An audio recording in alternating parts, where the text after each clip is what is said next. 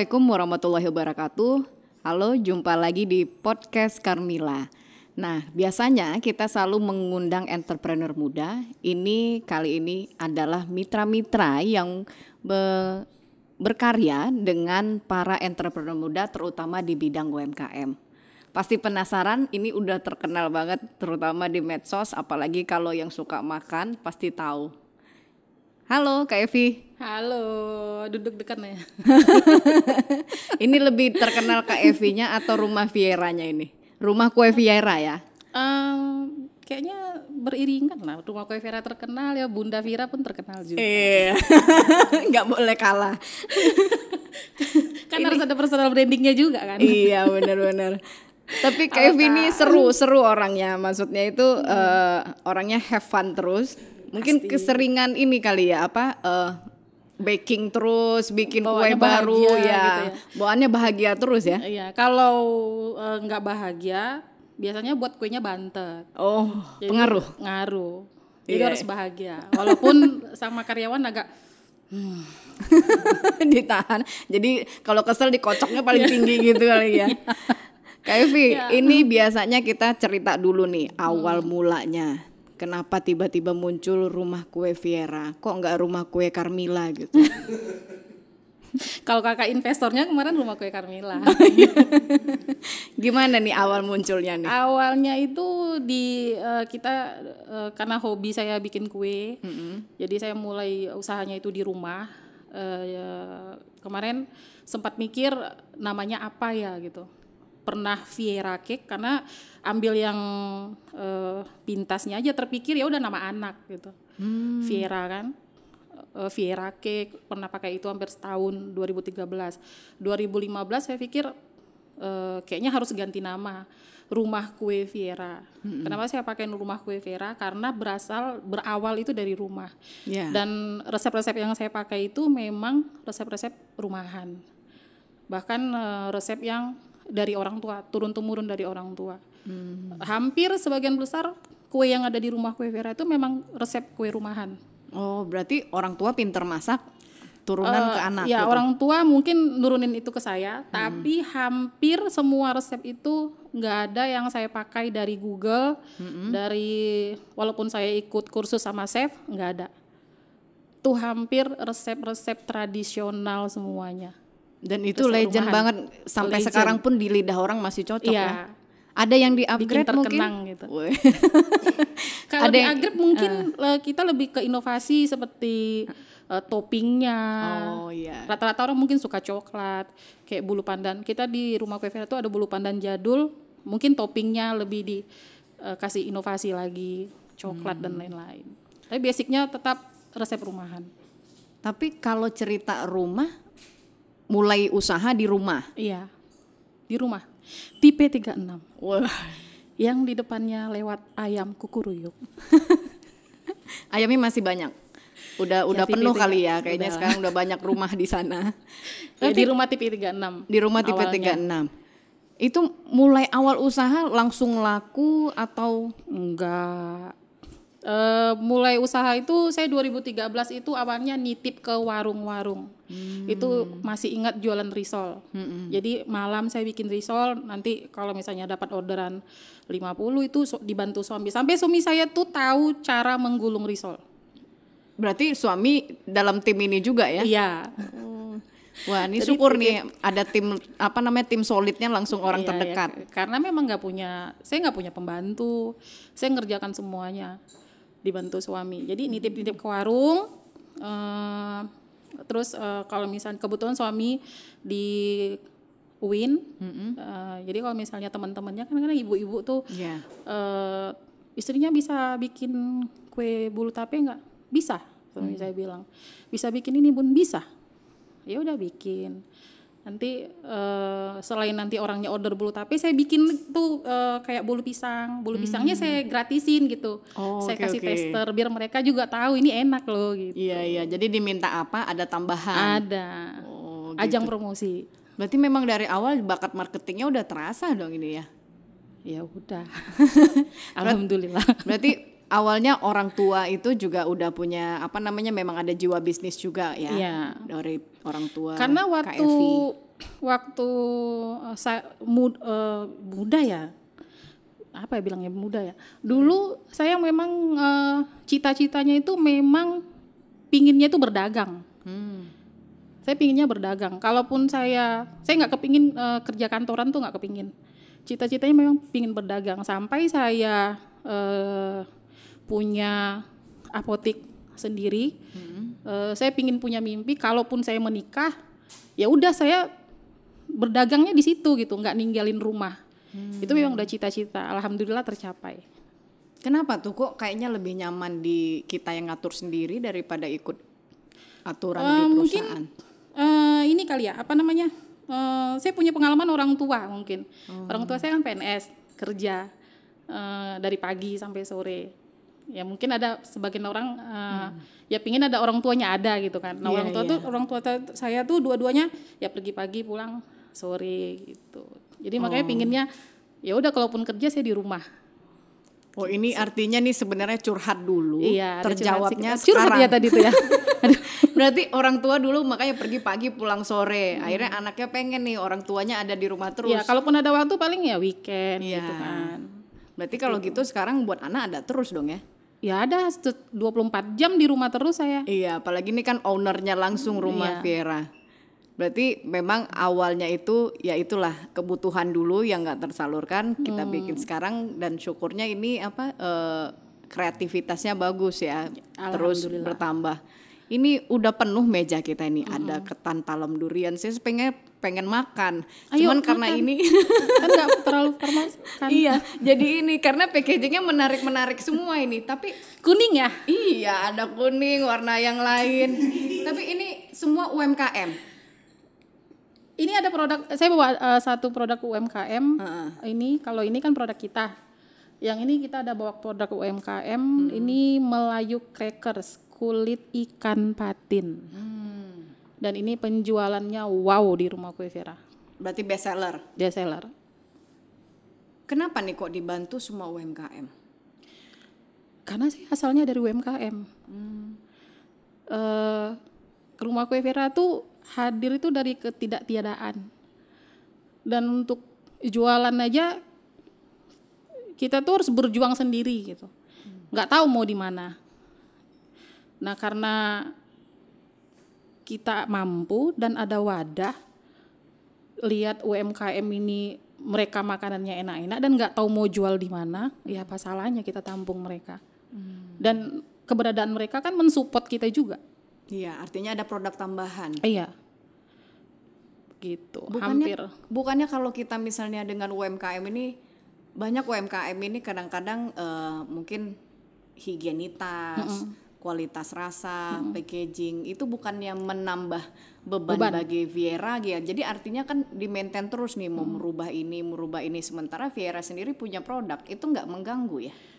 Ya alhamdulillahnya kalau sekarang mungkin kita tuh rumah kue Vera tuh ingin kita tuh bermanfaat untuk orang gitu ya karena kita dulu hadirnya dari ketidaktiadaan yeah. apa salahnya kita bantu uh, kalaupun produk-produk yang masuk ke rumah kue Vera itu mungkin pertama kita harus uh, cek dulu rasa mm-hmm. uh, enakkah dia terus nanti kita bantu uh, packagingnya mm-hmm. dan lain-lain bahkan kalau mau masuk ke rumah kue Vera itu kita wajibkan untuk pengurusan PIRT Hmm. Sampai pengurusan halal MUI pun kita bantu fasilitasi. Mulai dari izin, packaging sampai mungkin menambah apa meningkatkan kualitas rasanya iya. dibantu terus sama iya. Dan itu free. Free. Free. Bagaimana uh, rumah kue Viera bisa memilah ini kira-kira bisa diajak berkembang ataupun ini nggak mungkin ini stagnan? Gimana menilainya? Ya kalau kalau saya sendiri uh, mungkin harus ngikutin zaman ya. Hmm uh, harus cepat beradaptasi ngikutin zaman kalau misalnya sekarang itu misalnya orang nih bikin uh, keripik bawang mm Uh, keripik bawang itu kalau misalnya cuma keripik bawang ya biasa aja. Hmm. Siapa juga bisa buat keripik bawang. Yeah. Seberapa banyak orang bisa buat keripik bawang. Cuman yang istimewa dari dia apa? Hmm. Nah itu yang saya tekankan setiap orang yang mau nitipin produknya ke rumah kue Vera. Karena basic kita memang kita ingin sesuatu yang berbeda.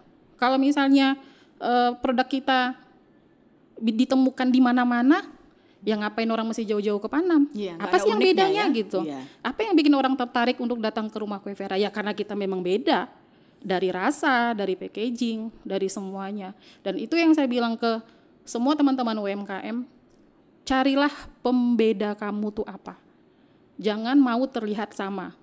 Kalaupun misalnya kamu mau jual keripik bawang, kamu harus tahu keripik bawang yang kamu jual tuh mau seperti apa. Mau bentuknya bulat, mau rasanya warna merah, mau ada yang rasa eh, kayak ini nih eh, Melayu crackers. Ini kulit ikan patin, tapi dia bisa bikin eh, kulit ikan patin rasa balado. Hmm. Coba, ini rasa balado. Ada yang bahkan yang rumput laut, Ya. begitu. Berarti kalau gitu eh, setelah mereka menemukan keunikannya bergabung UMKM, setelah itu nggak nggak akan pernah eh, ini ya artinya mereka tetap bertahan bergabung di Hampir semua UMKM itu sampai sekarang masih bertahan. Bahkan ada yang 5, 4 tahun masih bersama sama rumah kue Vera. Bahkan yang sama sekali nggak pinter jualan pun itu masih di rumah kue Vera. Karena kita bukan hanya sekedar tempat penitipan, bukan sekedar oh bisnis kita cari uang tuh enggak. Tapi memang kita bantu mereka untuk besar bersama. eh kayak misalnya eh, ini kulit ikan patin dari yang eh, stikernya. Saya sempat bilang saya nggak mau ya kalau misalnya nitip di rumah kue tuh stikernya kayak kalian nitip di pinggir jalan. Memang agak sedikit pedes gitu Iya, ngomongnya kan. Tapi kan untuk mereka gitu. Eh, saya eh, bilang lagi bayangkan satu rak itu begitu banyaknya produk orang tuh nggak akan cicipin rasanya dulu. Iya. Orang tuh yang lihat itu mata dulu. Kalau produk kalian e-catching, ya orang pasti ambil produk kalian. Bukan dia cicipin rasanya dulu. Jadi pertama yang harus ditampilin tuh apa? Packaging kamu bagus dulu. Kalau rasa udah pasti. Itu SOP untuk masuk ke rumah kue Vera rasa tuh harus Iya. seperti itu. Jadi sekarang ini kan bukan rumah kue Viera aja yang khusus oleh-oleh. Ada juga yang lain ya dengan merek-merek yang lain. Apa bedanya rumah kue Viera dengan yang lain itu? Karena kita lihat juga yang eh, sebelum-sebelumnya itu cukup banyak juga ya ininya apa peminatnya. Iya. Ya bedanya mungkin eh, rumah kue Vera itu boleh dicek adalah pusat oleh-oleh khas Riau. Khas Riau yang kita jual, khas Riau yang kita up. Oh. Oke oke seperti itu. Dan bahkan rumah kue Vera kalau saya bilang masih jangkauannya tuh masih belum seluruh Riau dan itu eh, tugas kami lah nanti. Itu PR PR terbesar. Eh, kemarin kita udah sempat roadshow juga ke Sia gitu cari yang berpotensi di sana. Mungkin next kita mau ke daerah lainnya. Memang eh, sekarang kan di toko itu kan lagi ini tuh apa namanya? lagi renovasi. Jadi memang kita mau bikin bukan bikin ya memang udah pusat oleh-oleh khas Riau. Jadi orang kalau misalnya mau datang semua dari Kuansing kah, dari Siak kah, dari eh, Kampar itu ada di rumah kue Vera. Dan kita bukan cuman menyediakan rak, menyediakan tempat, tapi kita memang bantu untuk eh, branding di media sosialnya. Secara online dan offline. Iya berarti artinya rumah kue Viera ini juga jemput bola ya. Harus. Ah, ah, jemput bola mencari terus kira-kira potensi yang mana nih UMKM yang bisa dikembangkan. Iya. Tapi sebenarnya menariknya KFV ini bukan asli dari Riau. Begitu salutnya ingin mengembangkan oleh-oleh khas Riau. Kenapa? Di Riau ini tidak ada yang memulai kah atau memang Riau Ya, ini luar kalau- biasa potensinya yang tidak termunculkan? Ya, kalau melihat potensi banyak sebenarnya potensi di Riau ini. Bahkan saya eh, yang yang sebelumnya tadi saya ceritakan, saya waktu 2005 ke Pekanbaru, saya saya tanya apa sih khasnya Ria oleh-olehnya? Khasnya tuh pancake. Eh Pancake duren ya. pancake durian. Saya kaget, pancake durian oleh-oleh Pekanbaru. Bukannya ini oleh-oleh Medan. Sampai saya dibawa ke salah satu pasar apa gitu kan. Jadi waktu pas eh, ketantalam durian ini muncul, eh, banyak orang beli pada saat itu saya masih jualnya pakai mika. Itu mereka beli sampai 20-30 kotak bawahnya tuh untuk oleh-oleh.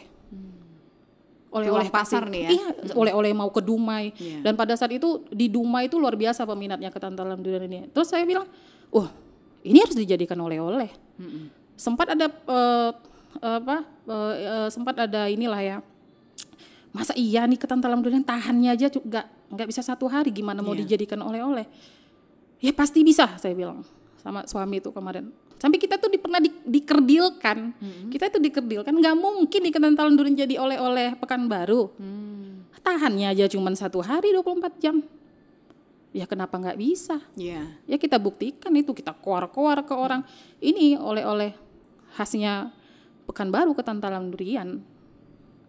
Akhirnya sampai ketan talam durian ini menang anugerah pesona. Indonesia Iya. ya pada saat itu.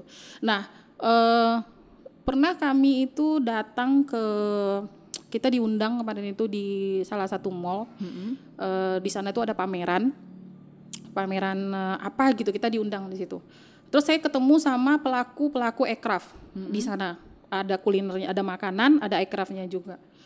Eh, terus saya bilang bu ini produknya bagus loh bu gini gini. Kan terus dia cerita. Saya lihat produk sebagus itu tapi ha- eh, dia hanya mampu menjual di saat ada event Ya. Terus saya tanya, jadi ibu jualannya pas ada event aja?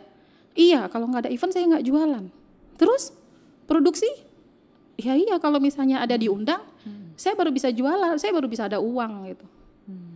Terus saya bilang sama suami, wah ini potensi saya bilang. Iya, iya. Banyak di Riau ini aircraft-aircraftnya, makanannya, sampai lainnya kita berpikir untuk mengembangkan eh, bangunan yang darinya dua ruko jadi empat ruko untuk menampung nanti semua pelaku aircraft yang ada di Riau. Sekarang udah berapa produk yang bergabung di situ? Kalau untuk UMKM udah eh, 100, kalau untuk aircraft sudah ada beberapa. Bahkan kemarin kita sempat bikin eh, itu apa namanya, hmm, entrepreneurship 2021. eh, udah sebagian eh, produk-produk aircraft yang ngantarkan produknya ke kita. Dan itu nanti kita fasilitasi, bahkan kita kasih hadiah berupa uang untuk mereka mengembangkan bisnisnya. Berarti Kak Evi pasti dulu ada suka dukanya ya mengembangkan mereka bergabung. Anggap memang itu potensi, tapi kan masing-masing daripada pelaku UMKM ini punya personal yang berbeda. Benar. Apa tuh kesulitannya? Kita kan mindset niatnya sih, baik ini, mindset mereka mereka sih sebenarnya mengubah mindset mereka tuh eh ya dari 100 mitra itu ba- mungkin hanya 30 orang yang punya mindsetnya itu memang bisnis gitu sebagian ya bayangin aja ada yang ibu-ibu yang mereka ngurusin anak lah Iya, iya. ini segala macam nanti si produknya ini ibaratnya laku di pasaran tapi dia nggak nggak mampu supply ke kitanya gitu Berarti nggak dibatasin dengan maksudnya kita bikin kontrak harus eh, sekian setiap hari masuk kalau nggak ada Enggak, penalti enggak, tidak enggak, seperti itu. enggak mereka UMKM loh. Oh, Oke, ya Allah berteduh banget hatinya. Sudah dibantu, tidak ini, tapi itu nggak bikin mereka disiplin ya. ya itu tadi saya bilang mindset mereka itu nggak semuanya mindset pebisnis gitu. Bahkan nanti kita udah eh, ini gimana nih produknya? Kayak ini aja nih ya kayak ini ini penjualannya luar biasa ratusan setiap hari di rumah kue Vera. Bahkan pernah di masa dia tuh kesulitan untuk dapat ikan patin. Saya bilang sampai suami juga ngomong kan ini kalian ini mau jual mau jualan selamanya atau mau jualan cuman hari ini? Ya. masa urusan kulit aja kok nggak dapet? Gitu.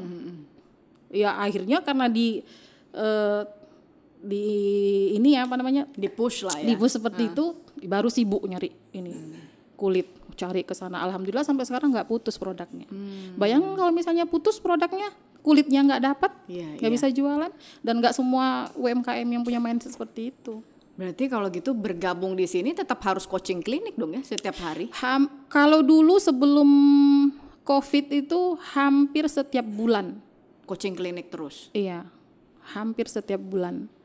Karena COVID, ya baru sebulan yang lalu kita ngadain itu. Ketemu mitra ini segala macam. Kalau misalnya saya misalnya otaknya memang bisnis uang, ya bisa aja. Kok nggak bisa eh, penuhi kebutuhan aku? Ya udah pergi aku cari yang lain. Iya benar. Iya kan? Biasanya kan begitu. Nggak hidup kan nggak melulu tentang uang. Iya. Ada kepuasan sendiri juga iya, kita bisa ketika bantuin. dia besar, eh, dia punya brand sendiri kan kita seneng gitu liatnya. Iya iya iya. Berarti dengan kondisi pandemi ini ada berubah cara marketingnya ke rumah kue Viera? Banyak 180 derajat. Oh ya? Apa itu ininya tuh? Yang Ya. beda dari dulu sebelum sekarang. Pandemi ini kan kayaknya UMKM banyak yang tiarap ini ya. Iya. Tiarapnya ya macam-macam lah. kalau kami sekarang mungkin lebih ke media sosialnya. Lebih ke, ke media sosialnya yang lebih di up lagi kan. Kalau dulu ya belum ada Covid, belum apa, orang udah tahu cari oleh-oleh, ya udahlah ke rumah Kue Vera gitu. Kalau sekarang masa pandemi, orang yang misalnya ibaratnya nggak mau keluar, susah keluar, jajannya di mana? Orang maunya di rumah. Ya udah kita fasilitasi kemudahan-kemudahan seperti belanja melalui Online. uh, online eh, eh, apa namanya kita jemput bola gitu mereka belanja kita antar sampai depan pintu rumah mereka ya seperti itu online-nya yang dikencengin Iya, kan ada Instagramnya ya Rumah Vera, Iya. Instagramnya, YouTube-nya, Facebook-nya. Itu bisa transaksi juga ya untuk Bisa. untuk uh, pesanan barang. iya makanya sekarang kita punya tim kreatif sendiri Oh, oke. di rumah kue Vera Ya, artinya kan kalau ada rumah kreatif bisa ini dong mengeksplor kalau ini apa sih Hmm. enaknya rasanya, gimana serunya kue Viera atau ada produk baru gitu iya ya. jadi kalau sekarang nih lebih ter manage lah kita launching itu maunya seperti apa launching produk tuh mau gimana ada timnya Jadi kalau kita tanya nih, kayak Evi kan tadi bilang, kita mau bantu memang harus ada kesabaran. Tidak hanya semua serba bisnis bahkan coaching klinik. Kira-kira apa nih pesan untuk UMKM biar bisa bergabung tidak hanya di rumah Kue Viara atau mungkin di di tempat-tempat lain. iya tempat-tempat oleh-oleh lain? Kalau saya gini ya, eh, mau bisnis itu mikirnya jangan mau tujuannya itu jangan nitip ke tempat oleh-oleh. Mm-mm. Jangan ke situ dulu tujuannya. Oh ya, gitu. Iya. UMKM itu tujuannya jangan cuman eh, goals utamanya itu jangan cuman bisa nitip ke tempat oleh-oleh. Kalau saya bilang itu salah. Dia harus bisa berdiri di kaki dia sendiri. Nah kalau misalnya dia mau mengembangkan sayapnya, ayo gabung di rumah Kue Vera. Oh, Kita bantu pasarkan. Di mana kesulitannya. Tapi jangan pingin punya produk tujuannya hanya untuk nitip di toko oleh-oleh. Kalau bisa dia punya toko oleh-oleh sendiri. Dan hampir semua mitra di rumah Kue Vera itu kita bantu untuk kalian harus punya toko sendiri. Kalian harus berdiri di kaki kalian sendiri. Seperti itu. Ya kalau misalnya mau bergabung yang yang SOP pertama itu ya udah pasti produknya. Ya memang harus berkualitas. Kalau misalnya dia belum punya PRT, produknya bagus itu kita bantu iya. Pengurusan PIRT, eh, halal muinya. Kalaupun misalnya dia nggak ada dana untuk packaging, kita bantu dana untuk mereka itu cetak packaging. Kita Sampai dahulukan. ya, Iya. dari hulu ke hilir. Iya. Tapi alhamdulillah dengan seperti itu semua diurus banyak yang lebih berhasil ya. Hampir eh, semua produk UMKM punya brandnya sendiri. Dan kita jual di media sosial pun bukan eh ini ya ada kulit patin eh, rumah kue Vera. Oh enggak. SOP kita ketika jualan di media sosial, oh ini ya ada kulit pak- eh, kulit ikan patinnya Melayu Crackers. Kita harus sebutkan brandnya. Jadi harus ada brand Melayunya apa terus diinikan Iya. ya budaya jangan lupa. Wah, luar biasa nih kan. Jangan lupa di Boleh mana minum tempat- Oh, silakan. Habis seru sih ngapain rumah Viera jadi lupa kita minum. Silakan Kak Evi. Kak Carmila nih bisa dimakan. Iya nanti kita habis ini langsung kita hajar langsung habisin makan karena memang juga dari packagingnya menarik. Iya, kuning ya kak. Iya. Semuanya bagus warnanya. Iya. Berarti Kak Evi dari tahun eh, awalnya memang 2013 tapi agak lebih banyaknya 2015 sampai 15. sekarang. Apa yang belum tercapai dari rumah Kue Viera ini? Yang belum tercapai, eh, kalau eh, saya mungkin goalsnya belum semua orang yang tahu rumah kue Vera. Hmm, artinya pengen lebih di- Pengen lebih dikenal lagi. ya, kalau- Iya. Dan belum semua yang kita jual di rumah kue Vera itu real produknya UMKM Riau. Karena ini mungkin eh, PR-nya kami nanti ke Iya. depan mungkin kami harus roadshow ke beberapa daerah. Kami pingin memang dari eh, 11 kabupaten itu produk mereka itu kalau memang mereka kesulitan kami siap menampung di rumah kue Vera Iya. itu impian eh, rumah kue Vera jadi mallnya oleh-oleh tuh impian Oh ya berarti artinya lebih besar lagi ya. Jadi Iya. outlet sekarang udah ada tiga ya. dua Sudah ada dua, targetnya mau 20. enggak lah kalau kalau saya gini apa namanya saya pingin spesial Hmm. Eh, saya nggak pingin dijumpai banyak di pasaran Hmm. saya inginnya spesial Berarti hanya Jadi di Pekanbaru aja. iya Nggak mungkin ada tiba-tiba di Inhil gitu. enggak itu kayaknya belum tahu belum ada kepikiran Khusus di Pekanbaru aja. Iya, kalaupun orang maunya dari dulu cari ketantalam duriannya itu ya udah di Pekanbaru. Oh. Nggak ada di Jakarta, nggak ada di Medan, nggak ada di ini. Udah di Pekanbaru. Berarti brand image-nya harus di benar-benar dipegang. Apa nih pesan-pesan untuk entrepreneur muda? Tidak hanya yang berbidang eh, apa bergerak di bidang kuliner, mungkin bisa sharing selama awal dari mulai sampai sekarang Yang supaya pertama mungkin memotivasi mereka. ya, eh, kalau motivasi banyak lah ya motivasi di mana-mana ada ya. Kalau cuman kalau saya yang pertama itu tahu dulu lah goalsnya tuh kamu tuh mau apa. Misalnya kamu pingin punya mobil baru, supaya dapat mobil tuh kamu ngapain? Kalau kamu udah ngelakuin ini konsisten, ibaratnya jangan menggebu-gebu di awal, nanti di pertengahan jualan nggak laku lemes. Ya. Cari tahu kenapa bisa nggak laku, kenapa bisa nggak disukain. Yang ketiga ya udah jangan males ya, Iya bener itu. itu aja sih. Berarti intinya konsisten, fokus, kreatif. kreatif juga dan harus cepat beradaptasi dengan apa yang terjadi. Oke. Terima kasih Kak Evi. Ini luar biasa ya. Eh, apa namanya? Dari dulu memulai juga bersyukur alhamdulillah memang eh, partner hidupnya suami juga Ya, mensupport untuk untuk membantu berkembang ini. Iya. Jadi ini eh, pengalaman untuk kita semua. Jadi nanti yang mau ingin bergabung di Rumah Coviera, mulai dulu dari upaya sendiri. Kalau mau bergabung menjadi mitra di Rumah Coviera, silahkan. Dan kita dapat pelajari juga dalam eh, perjalanan Coviera ini di dalam hidup ini kita harus belajar bahwa tidak ada yang lebih berarti daripada melakukan sesuatu untuk orang lain. Terima kasih. Sampai jumpa di podcast Carmila berikutnya. Assalamualaikum warahmatullahi wabarakatuh.